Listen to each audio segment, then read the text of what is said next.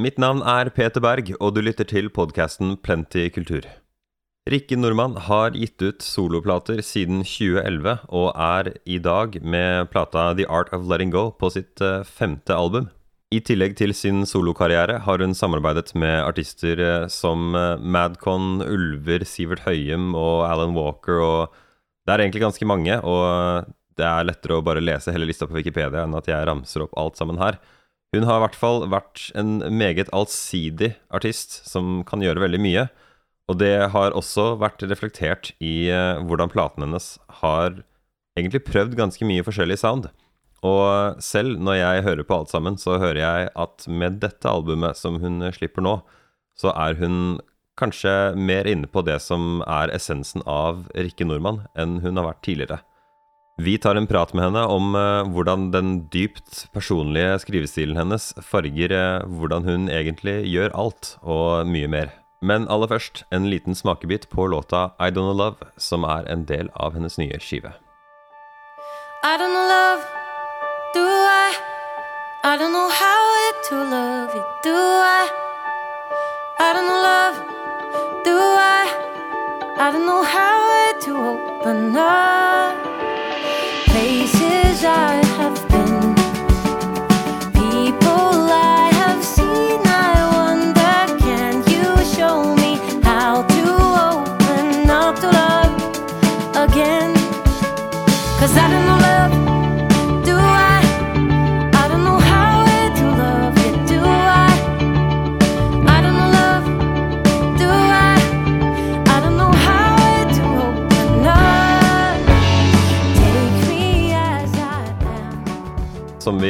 Akkurat sa rett før jeg trykka på record her. eh, Jeg sa at jeg spiller inn litt getto, og du har jo lagd dette albumet sammen med din samboer, medprodusent og tekniker, forstår jeg, på en eh, litt getto måte.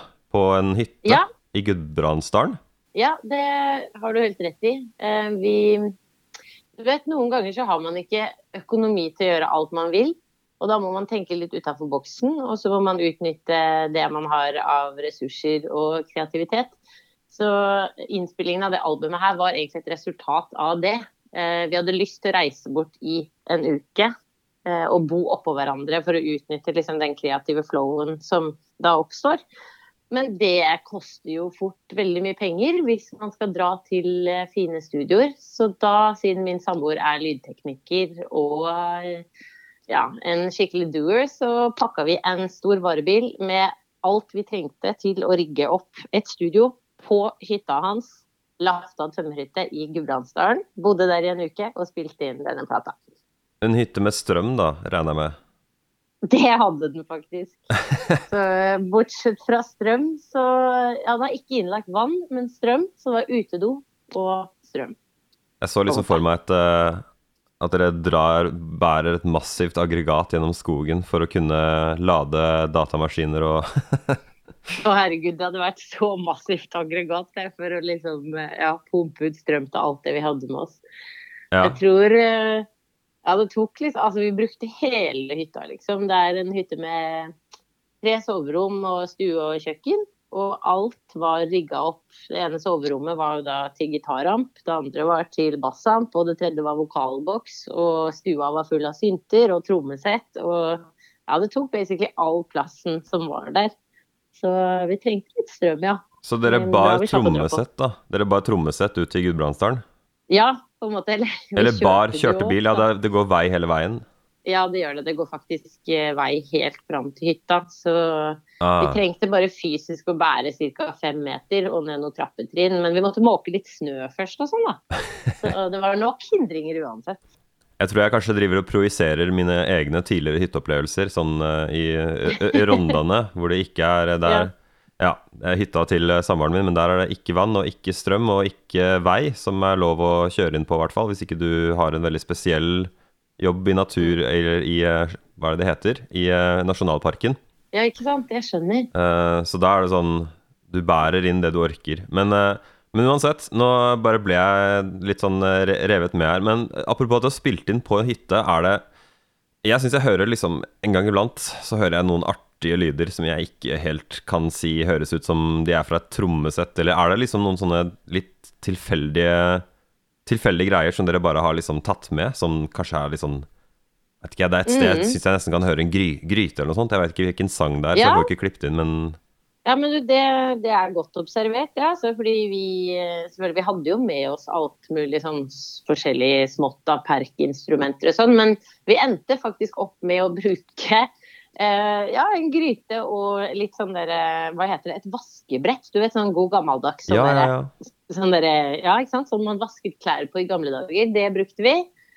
Eh, så vi tok jo liksom Det var litt av ønsket også, da. At man skulle liksom eh, flette inn soundet av eh, Lafta tømmerhytte, som jeg syns høres ut som noe veldig varmt. Så eh, om vi klarte det, det vet jeg ikke, men vi brukte nå i hvert fall det vi hadde tilgjengelig. Og det er jo det som er nesten den gøyeste delen av prosessen. Det er sånn Her skulle vi hatt en sånn type lyd. Hva kan vi lage det med? Og så, ja, for Ja. eksempel da dette vaskebrettet, da. Eller også en jerngryte. Sånne type ting. Så hvor Så hører man eh, Hvor hører man vaskebrettet, da?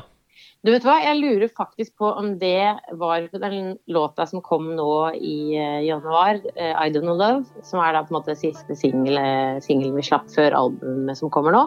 Have you ever stopped to wonder why that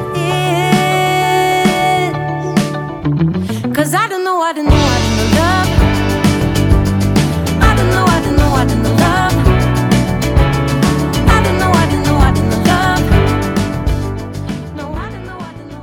Den hadde mye Eller låta ønsket seg mye perkusjon i utgangspunktet for å liksom få bra framdrift, så der tror jeg vi brukte det vaskebrettet, om jeg ikke husker feil. Mm, mm. Mm. Uh, vi kan spole litt grann tilbake. Uh, Mm.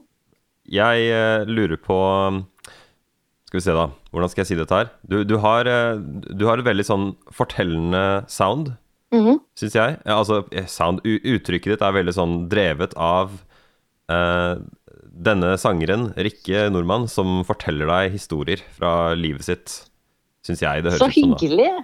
Det Eh. syns jeg er skikkelig hyggelig. Så hvor, hvor kommer dette fra? Har, har du liksom sittet og skrevet sånne låter helt fra barnerommet, eller? Ehm, jeg har nok eh, Du vet hvordan folk pleier å si sånn Å, jeg har sunget siden før jeg kunne gå, og sånne ting. Eh, jeg har på en måte ikke begynt å synge fordi jeg ville synge, jeg begynte å synge fordi jeg skulle fortelle historiene som var inni huet mitt. Jeg har alltid hørt sanger inni huet, og så tok det litt tid. Sånn, jeg vil ikke si at jeg har skrevet låter fra jeg var barn, men det var nå derfor jeg begynte med musikk. Så jeg tror jeg var kanskje sånn rundt 15 jeg, da jeg begynte å liksom uh, Satte meg ned med et sånn gammelt, ødelagt piano som vi hadde etter oldemor. Som var sånn Du spilte oppover på tangentene, Du, du, du, du, du, du, spjoing, og så var det liksom helt ødelagt. Men jeg satte meg ned ved det og lærte meg liksom enkle akkorder for å begynne å få ut disse historiene. da. Så jeg vil si at ja, jeg tror kanskje det alltid har vært der i underbevisstheten. Ja. Og mm, jeg er veldig opptatt av at låter skal handle om noe. At det skal være ikke bare masse ord som er kasta sammen, liksom, men at det betyr et eller annet, da. Ja. Hvis vi tar fra liksom utgangspunkt i det første albumet ditt, eh, Ricky's Guns fra 2011, hvor du hadde en Ja. veldig annen stil enn nå, Ja. eh, så hadde du likevel en veldig fortellende type låtskriving. eh, Og i mine ører så høres det albumet ut som eh, Forsøket var å lage noe som på en måte Det var datidens radiopop, men det var også veldig sånn Hør på historiene mine. Er er jeg inne på ja, noe sant? der, eller er det Ja, hvordan så du på det? Ja, du, det, jeg føler egentlig at du forstår meg bedre enn en nesten meg selv. Eller sånn, det du sier føles veldig riktig. Sånn, ja, jøss, stemmer det? Det tror jeg du har rett i.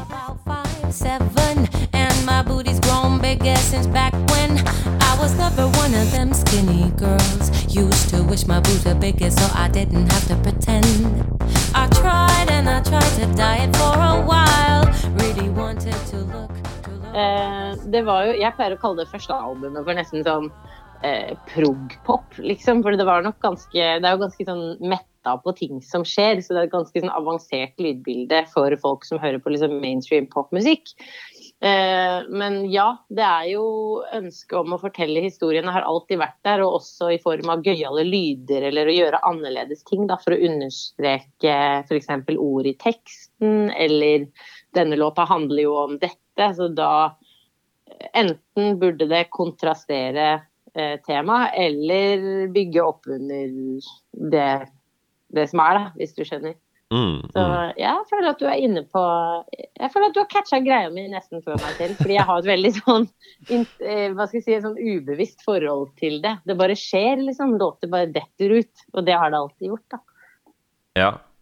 Eh, Jeg syns at på det nye albumet ditt, som eh, kommer samme dag som denne podkasten går ut, så høres det ut som denne dama som lagde denne musikken i 2011, har på en måte funnet et sound hvor musikken og arrangementet er veldig på bølgelengde med Altså det er sentrert rundt at du forteller historier, og så Mm. har liksom lyden tatt form med det som grunnlag, da.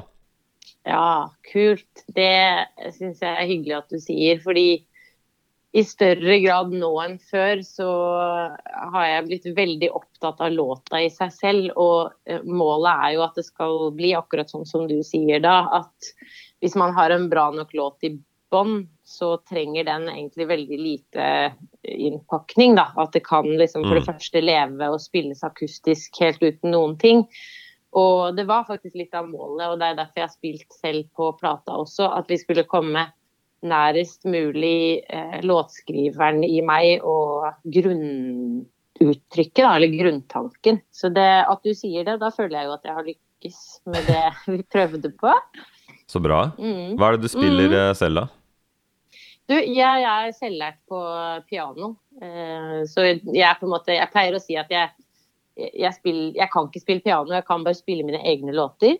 Så jeg er en låtskriver som bruker tangenter som eh, verktøy for å få ut historiene. Sånn ser jeg på meg selv. Det var, eh, det var litt jeg sa. Kan ikke spille piano, men jeg kan spille mine egne låter. ja, men jeg er sånn Jeg har alltid vært sånn at det tar ca.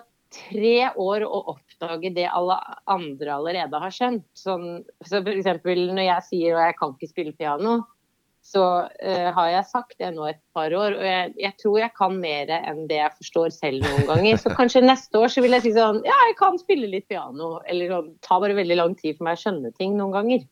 Ja, Jeg gjør ja. ofte bare gjør, gjør ting, og så Jøss, har jeg gjort det der i to år? Oi, ja, kanskje jeg kan det litt nå. Sånn fungerer jeg litt, da. Jeg føler at en, eh, et godt utgangspunkt for å liksom forklare det her da, til de som eh, hører på, eh, det er eh, åpningslåta på eh, skiva, som heter I Mm. Will Try. Der hører man at du, du synger og du forteller en historie, og den historien og måten du forteller den på, det former soundet rundt, og det tar liksom Hvis man ser for seg et lerret, da, så er det historien din Den har på en måte tatt opp nesten all plassen i midten, og så er instrumentene og lyden Det liksom har du plassert rundt i kantene for å liksom få det til å bli et helt maleri. I will make you love me, even if you don't. I will win you over with the flowers I will hold. I will grow a garden with every kind I know. And for everyone that blossoms, hopefully love grows. I will try. Oh, how I'll try. Ja, wow, så fint. Er, eh, når du sitter og forteller om det nå, så husker jeg hvordan det var å spille den inn, og liksom utfordringene rundt akkurat det du sier der. Fordi noen av låtene på denne skiva har jo vært mye lettere å spille inn som et band. Og akkurat I Will Try var jo ikke sånn. Det var kanskje en av de låtene, nettopp pga. det du sier, da, som var litt mer utfordrende. Den er jo litt sånn eh, teatralsk på en måte også, sånn at vi ville at alle lydene skulle forsterke historien i teksten.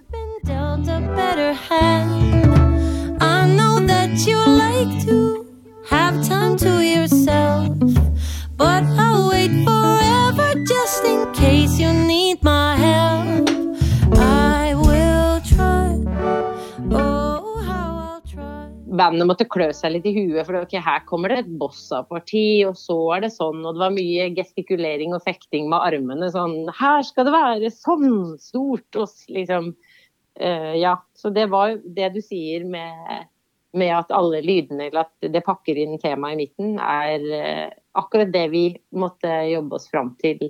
Det tok litt mer, eller det var, var litt mer utfordrende enn f.eks. en del bandvennlige låter, da, som man på en måte bare spiller. Mens Mm, akkurat mm. I Will Try eh, hørte jeg for meg skulle bli sånn som den er nå inn i hodet. Og det var ganske utfordrende faktisk å liksom knekke koden på den som et band. Men Ja. når vi først gjorde det, så skjønte alle sånn Å ja, OK, da Og så skjønte de kanskje litt mer av hvem jeg er som Ja, eller i uttrykk også, tror jeg. Når vi liksom knakk koden på den låta.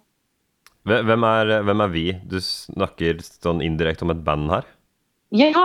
Eh, jeg har Altså, jeg skriver alle låtene mine selv. Ganske sånn eh, ensom ulv, vil jeg si. Liker å skrive hjemme på dette flygelet som står i stua mi, som er 100 år gammelt. Skriver tekst og melodi og form og farge, og kommer da med liksom 11 demoer. Og så liker jeg å spille inn låtene live med et band. Ja. For å liksom få fletta inn uttrykket til andre folk jeg liker, da. Så vi var et band på si, trommer, bass, gitar, og så eh, Stian som er produsent og tekniker, og sånn, og så var det meg. Så det er da vi. Et band og produsent som liksom har rørt sammen denne gryta da inni en lafta tømmerhytta. Mm. Uh, vi snakker jo veldig mye om historien her uten å egentlig gå inn på hva de handler om, men hvis du kan trekke fram noen sentrale temaer som du tar for deg, er det, er det selvlevd, eller hvor er det Ja, hva er det som foregår her? Ja.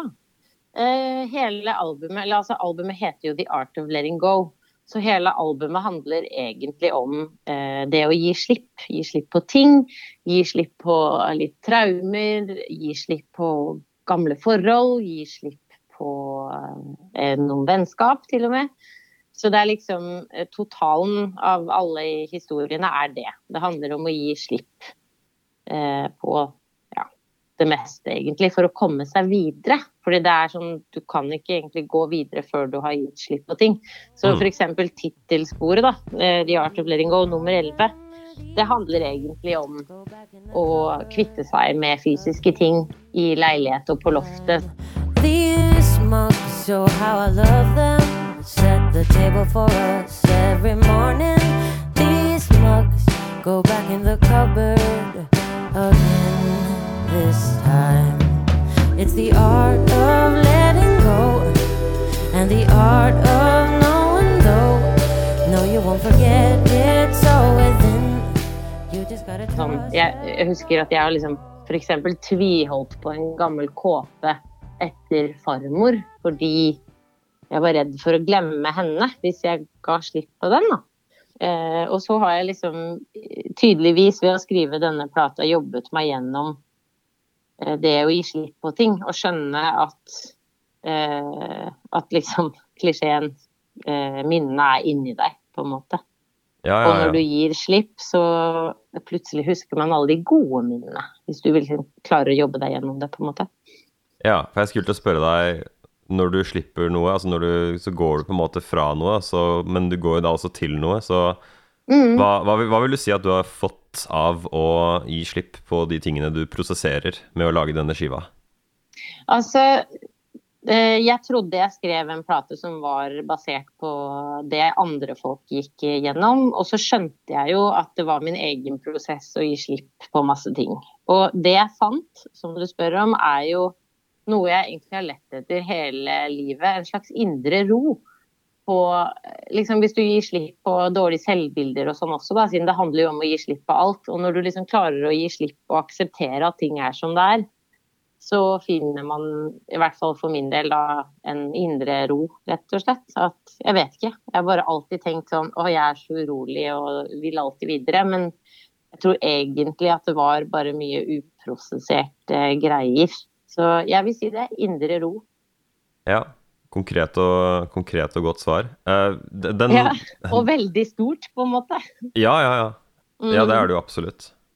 Mm. Den, ehm, Den låta 'In The Grace' har jeg skjønt er eh, veldig sentral, det virker som en veldig stor ting du kommer deg forbi da, ved å skrive ut.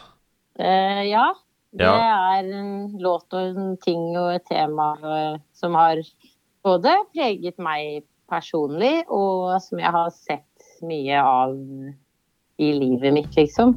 Og det er en låt som handler om Det handler jo om å si nei. Hvis du er eh, i tvil, så si nei. Disconnected me and my body from the truth, made me believe I had to obey you.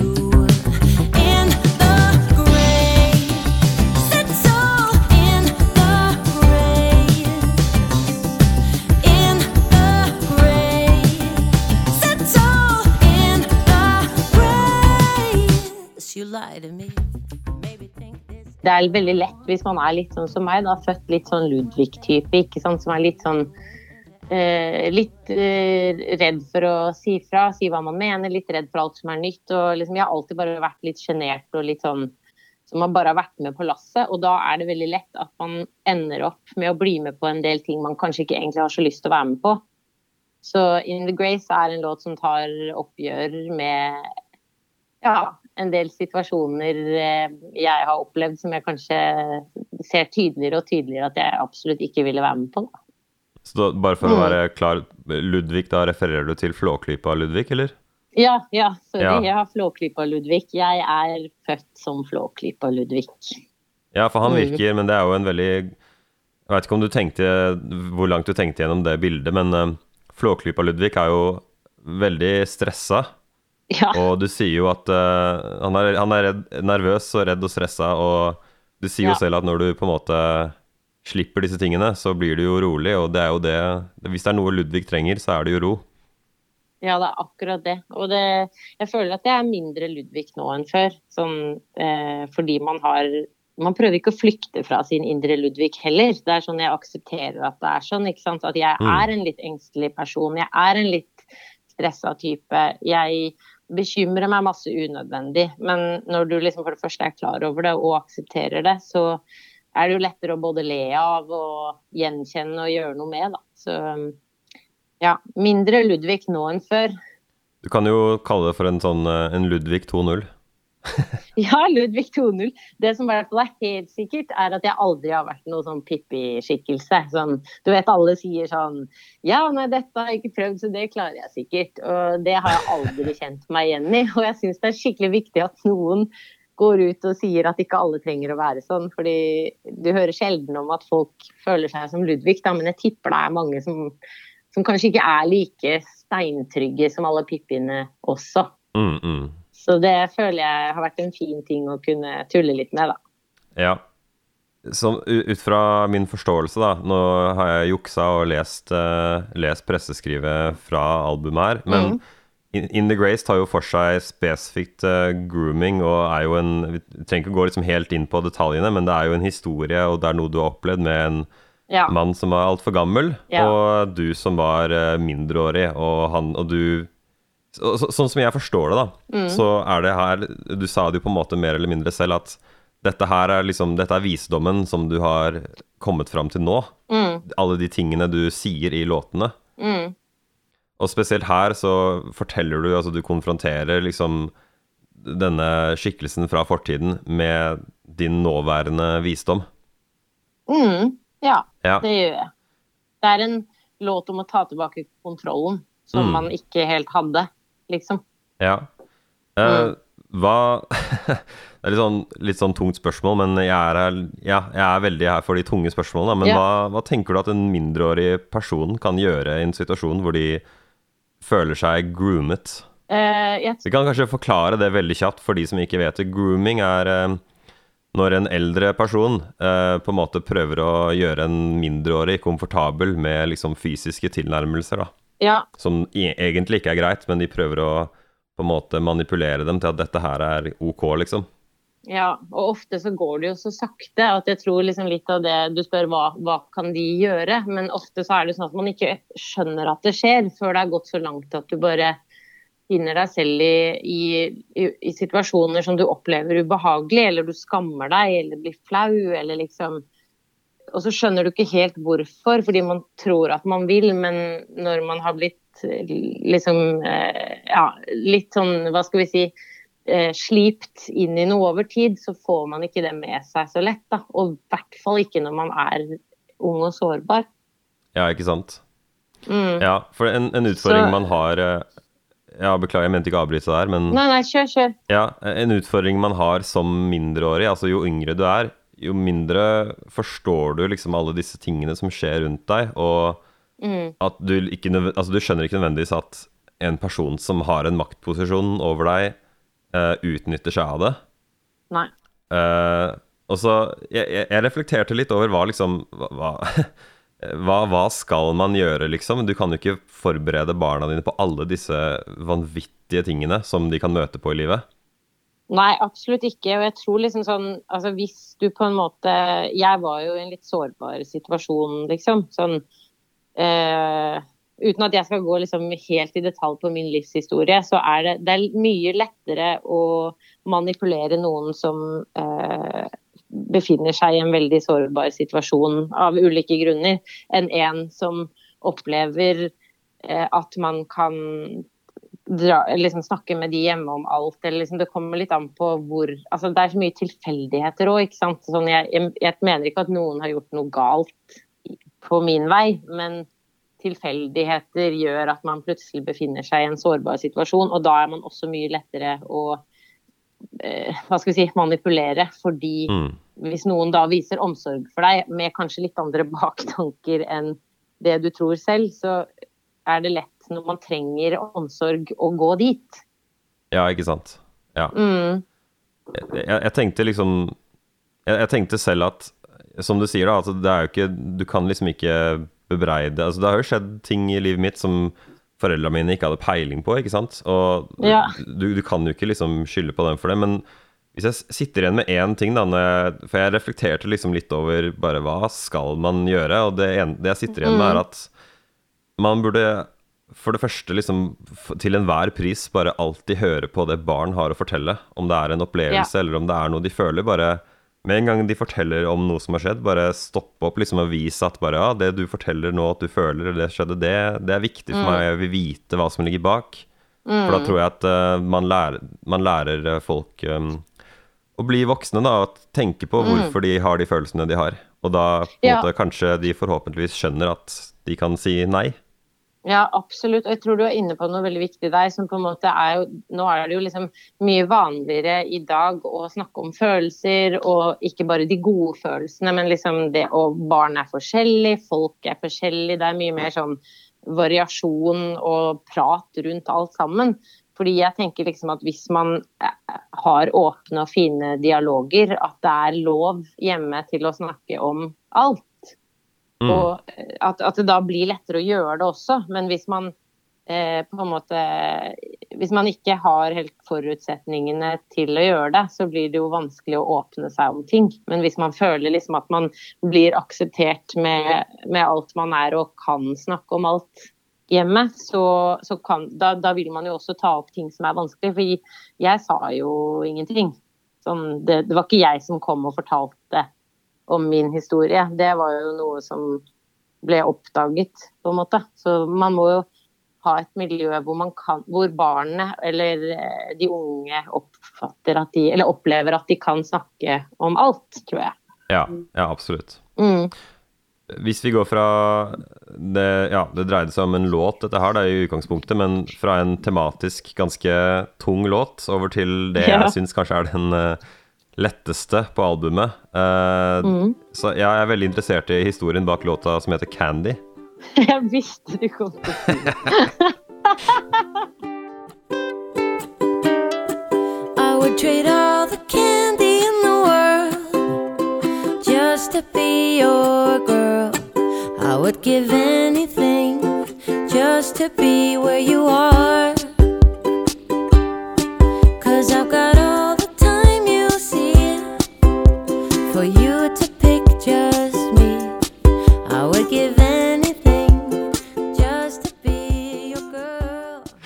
Vet du hva?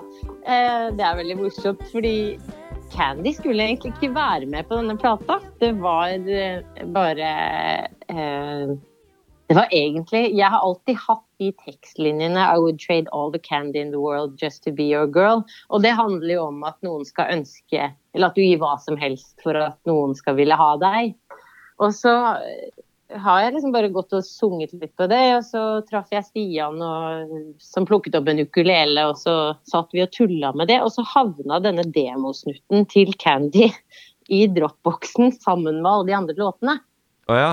Av en eller annen grunn. Så når vi da kom på hytta og skulle spille inn låtene, så sier plutselig Martin, som spiller bass i bandet, han bare Å, jeg gleder meg sånn til vi skal jobbe med den Candy-låta.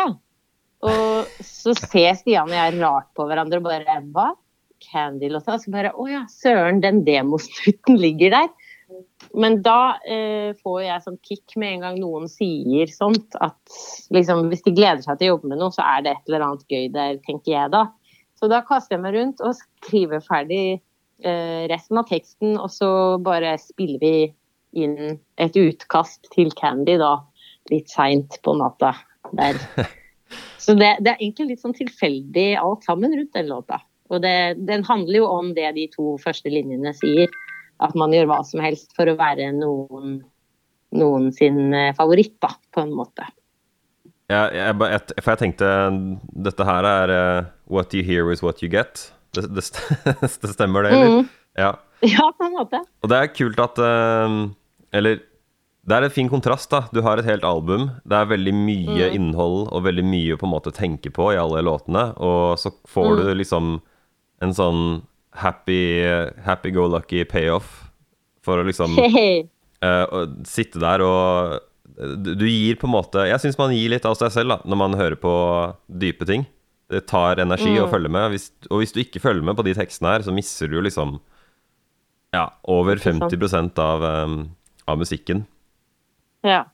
Så det er ett kult virkemiddel i den låta. Eh, jeg er jo tekniker selv, eh, og jeg har jo ikke snakket Mm. noe om de tingene her, annet enn at jeg hørte litt rare lyder. Eh, Mm. Men eh, jeg har en softspot for når folk synger halvsurt med vilje for å få fram følelsen, og det gjør du helt i begynnelsen av låta. I would trade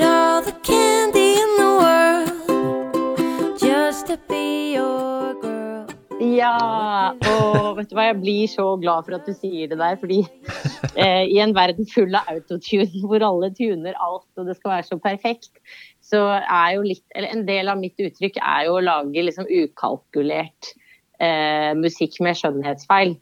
Og akkurat det du sier der, er sånn Jeg, tenk, jeg sa det til Stian i går da vi kjørte bil. sånn det at eh, vi beholder sånn halvsure ting for sjarm og følelse, jeg lurer på om noen hører det lenger. Eller om man er så lost i en sånn perfekt verden. Så når du sier det til meg nå, så blir jo Det bobler jo over innvendig. Det er så utrolig kult.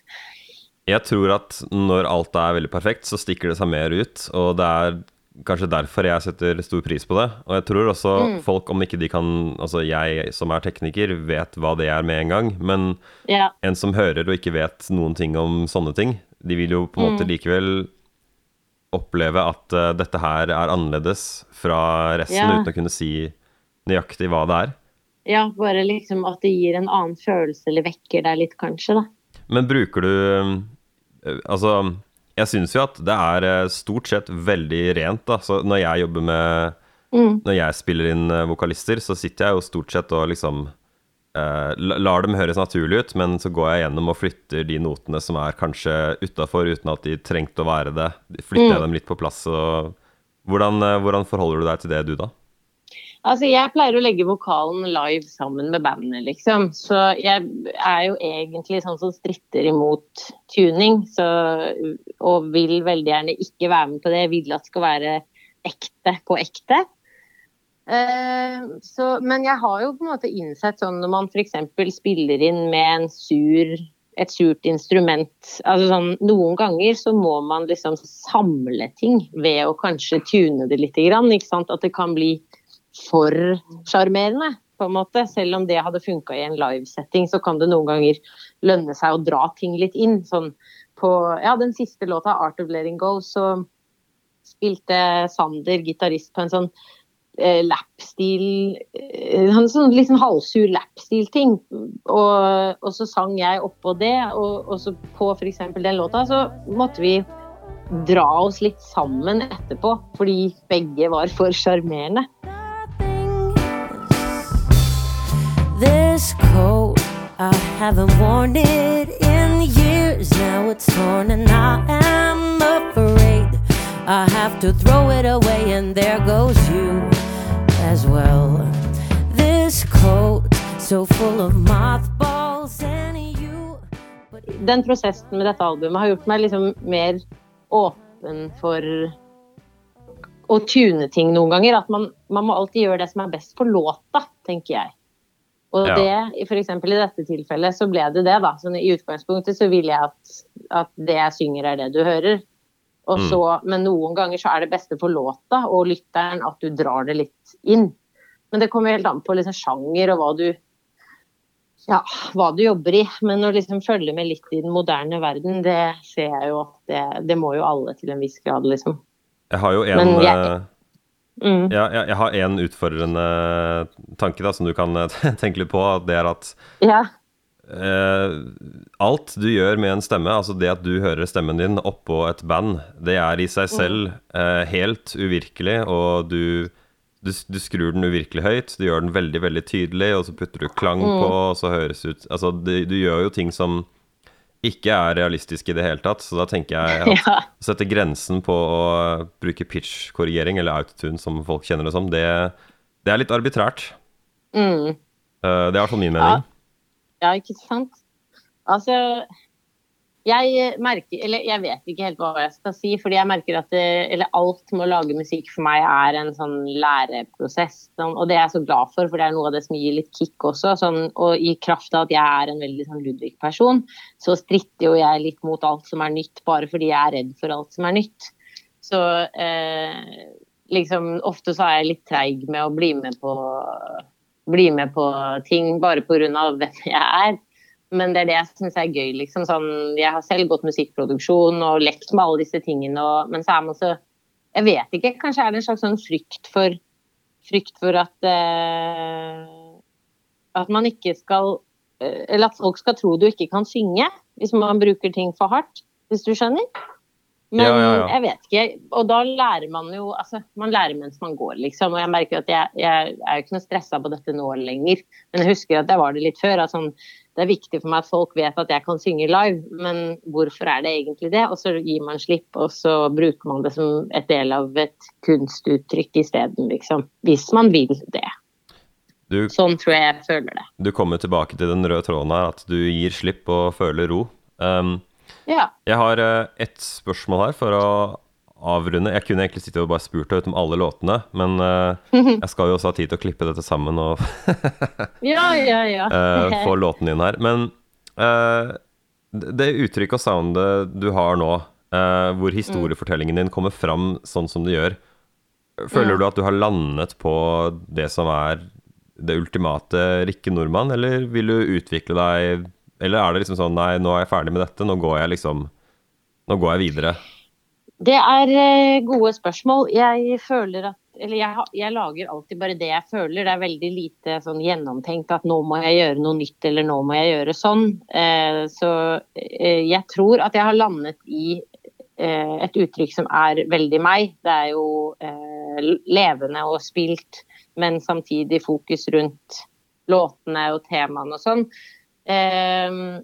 Jeg, nå skal det jo sies at jeg allerede har spilt inn neste skive, så jeg vet jo hvor veien går videre nå. Og jeg kan si at det er en naturlig utvikling fra den plata The Art of Letting Go. Så jeg Ja. tror det vil da si at konklusjonen er at ja, jeg har på en måte funnet endelig mitt eget sound, men det er i utvikling. Men det kommer ikke til å være noe radikalt annet. Men jeg er ganske sikker på at du får noen overraskelser på neste runde også. Så bra. Du har, eh, du har Mm. spilt inn neste Det må være så rart å gjøre presse på eh, den Jeg så på den Ja. Soundcloud-linken med låtene for å høre på dem, ikke sant? For jeg får jo Ja. jeg får jo høre før det kommer ut, så vi kan gjøre den samtalen her. Og da så jeg bare ja, denne ble opprettet for elleve måneder siden. Så tenker jeg liksom For et opplegg. Altså, du har jo liksom fått, en, fått litt avstand fra dette nå, og så er du liksom egentlig på det neste, men så må du bruke ja, så mye tid Altså, på det du du, har lagd, da.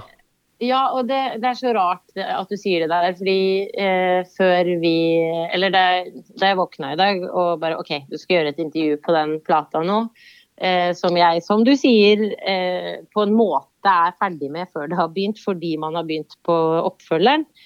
Så ble jeg sånn Å nei, men hva er det jeg har lagd igjen? Jeg husker ingenting, shit. Og så kommer søren meg testpressen på vinylen akkurat da på døra, så jeg rekker å høre gjennom hele denne skiva Art of Letting Go og eh, blir superglad, gira og positivt overrasket fordi man har fått nok avstand til hva man har lagd.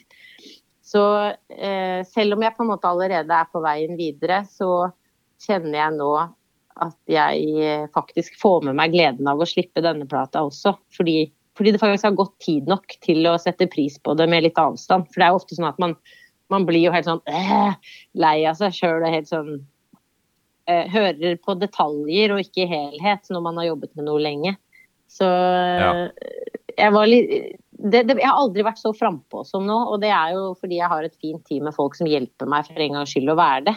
Så det at den plata har på en måte vært ferdig i ja, nesten et år, da, eller i hvert fall liksom tre kvart år, det gjør at jeg nå kan glede meg over å slippe den fordi jeg har fått det på avstand på en helt annen måte.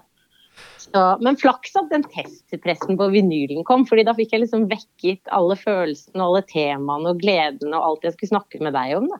Rett før, faktisk. Så bra. Så bra. Mm, Men du, så det var eh, litt kult. jeg har eh, storkost meg. Tusen hjertelig takk for, eh, for samtalen her. Du, takk det samme. Jeg kunne helt klart pratet med deg i evigheter, så det var kjempehyggelig. Vi gjør denne podkasten hver uke, og du må veldig gjerne abonnere på oss der det er du finner podcaster, f.eks. Spotify eller Apple Podcasts. Du søker ganske enkelt på Plenty Kultur, PLNTY Kultur. Vi setter også pris på det dersom du har mulighet til å rate podkasten, hvis det er mulig på din plattform.